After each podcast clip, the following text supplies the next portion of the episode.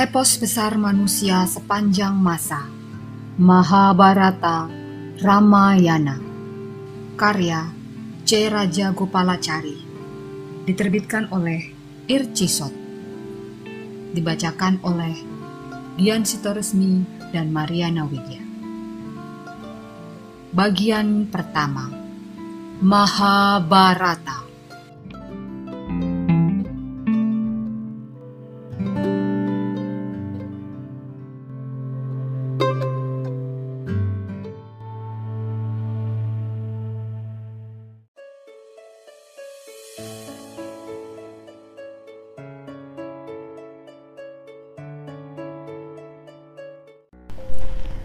Bab 29 Penderitaan bukan hal baru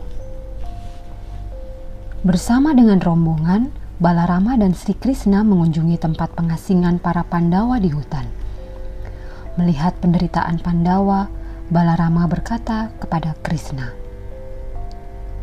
Krishna, tampaknya kebaikan dan kejahatan membuahkan hasil yang berlawanan dalam hidup ini Duryudana yang jahat kini memerintah kerajaan dengan selalu mengenakan pakaian sutra bersulam emas, sementara Yudhistira yang berbudi luhur harus mengembara di hutan dengan pakaian dari kulit pohon. Melihat hilangnya kemakmuran dan kekayaan bisa membuat orang kehilangan kepercayaan kepada dewata. Puji-pujian pada kebaikan yang tertulis dalam kitab-kitab sastra hanya akan menjadi basa-basi kosong jika kita melihat buah yang dihasilkan oleh orang yang jahat dan berbudi luhur di dunia ini. Bagaimana Destarata akan mempertanggungjawabkan perbuatannya dan membela diri di hadapan dewa kematian? Bahkan gunung-gunung dan bumi menangis menyaksikan para Pandawa yang tidak bersalah. Dan Drupadi yang lahir berkat karunia dewa api tinggal di hutan. Satyaki yang duduk di dekat mereka berkata, Balarama, sekarang bukanlah saat yang tepat untuk bersedih hati. Apakah kita mesti menunggu sampai Yudhistira meminta bantuan Pandawa? Saat kau, Krishna, dan para kerabat lain masih hidup, apakah para Pandawa mesti hidup tersia-sia di hutan? Mari kita galang kekuatan kita dan ganyang Duryudana. Dengan bala tentara Wrisni, kita pasti bisa cukup kuat untuk menghancurkan Kurawa. Aku ingin sekali membungkam mulut besar Karna dan memancung lehernya. Mari kita hancurkan Duryudana dan para pengikutnya di medan perang. Setelah itu, kita serahkan tahta kerajaan kepada Abimanyu jika para Pandawa masih bersikeras menepati janji dan tinggal di hutan. Menurut pendapatku, hal ini baik bagi Pandawa dan pantas bagi kita sebagai golongan kesatria. Basudewa yang mendengarkan kata-kata Satyaki berkata, Engkau benar, tetapi para Pandawa tidak akan sudi menerima uluran tangan orang lain. Mereka lebih suka berusaha sendiri. Misalnya, Drupadi yang terlahir dari darah pahlawan pasti tidak akan mau mendengarkan rencana ini. Yudhistira tidak akan mau meninggalkan jalan kebenaran hanya demi rasa cinta atau takut. Setelah masa pengasingan habis, Raja Pancala, Kekaya, Cedi, dan kita semua bisa menyatukan bala tentara untuk membantu Pandawa menyerang Kurawa. Yudhistira senang mendengar pendapat Krishna. Sri Krishna bisa membaca pikiranku. Kebenaran jauh lebih besar daripada kekuatan, kekayaan, dan harus kita jaga berapapun harganya para pahlawan Brisni, kalian boleh pulang dulu. Jika nanti waktunya telah tiba, kita akan menyatukan kekuatan. Demikian Yudhistira melepas mereka pergi. Arjuna masih berada di Himalaya. Tidak ada yang mendukung kegelisahan dan ketidaksabaran Bima untuk segera menggunakan jalan kekerasan. Katanya kepada Yudhistira, Engkau tahu hidup kita tergantung kepada Arjuna ia sudah lama pergi dan kita sama sekali belum mendengar kabar darinya. Jika ia hilang, baik Raja Pancala, Satyaki, bahkan Sri Krishna tidak akan bisa menyelamatkan kita. Aku tidak sanggup membayangkan apa jadinya jika benar-benar kita kehilangannya. Semua ini akibat permainan dadu gila itu. Kesedihan, penderitaan, dan mereka menjadi semakin kuat. Hidup di hutan seperti ini bukanlah jalan kaum kesatria. Kita harus segera memanggil Arjuna dan mengumumkan perang dengan anak-anak Destarata dengan bantuan Sri Krishna. Aku akan puas jika Sengkuni, Karna, dan Duryudana yang jahat mati. Setelah tugas itu selesai, kalau mau, kau bisa kembali ke hutan untuk menjalani hidup sebagai petapa. Membunuh musuh dengan tipu muslihat itu tidak berdosa Apalagi jika musuh itu juga menggunakan muslihat. Aku mendengar dalam Atar Waweda ada mantra yang bisa menampatkan dan mempersingkat waktu. Jika dengan mantra itu kita bisa menyingkatkan waktu 13 tahun menjadi 13 hari, kita bisa segera melaksanakan rencana kita. Dengan persetujuanmu, pada hari ke-14 aku akan membunuh Duryudana.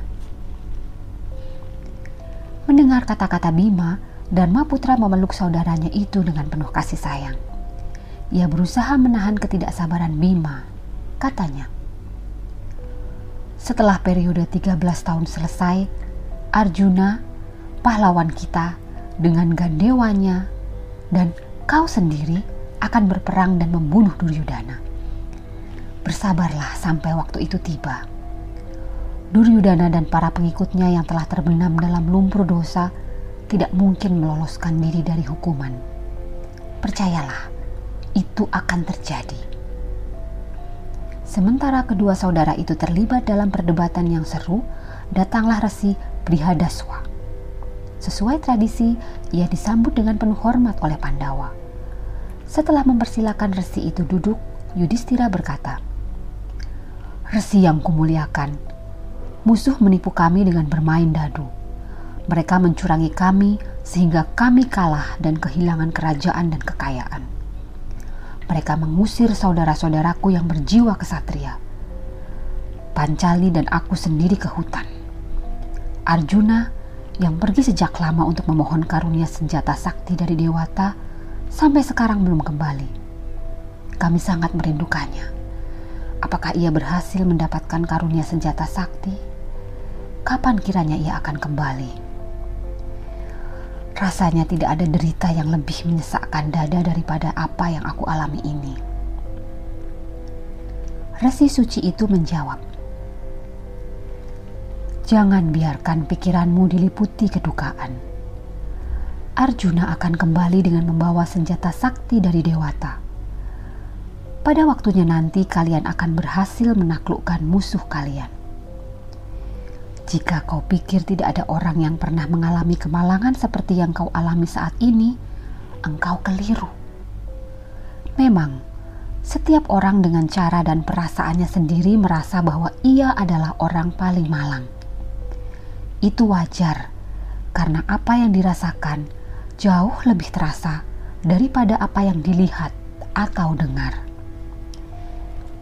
Apakah kau pernah mendengar kisah Raja Nala dari Nisada?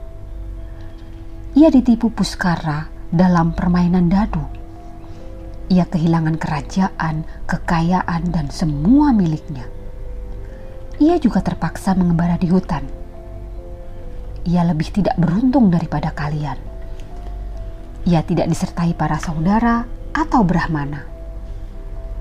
Karena pengaruh Batari Kali, Dewi Kegelapan, pikirannya terguncang.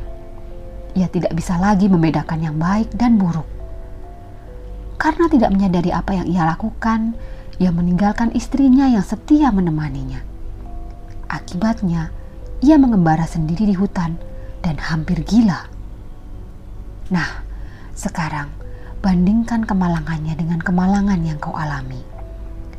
Kau ditemani saudara-saudaramu, istri yang setia, dan ditemani sejumlah brahmana yang terpelajar. Pikiranmu jernih dan teguh Memang, kasihan pada diri sendiri itu wajar.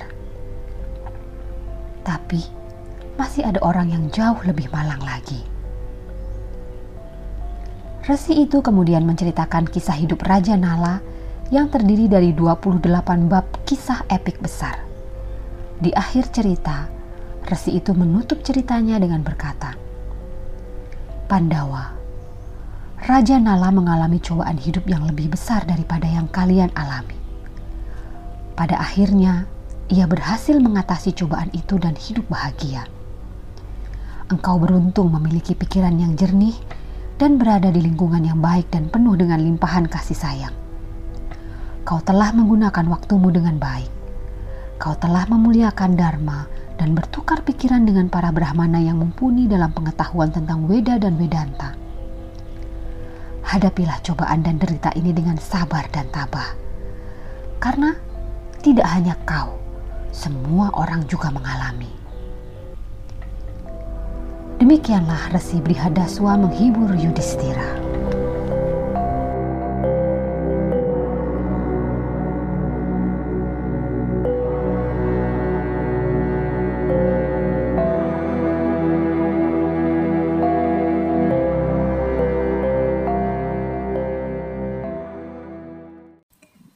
Dengarkan kisah selanjutnya di episode berikutnya.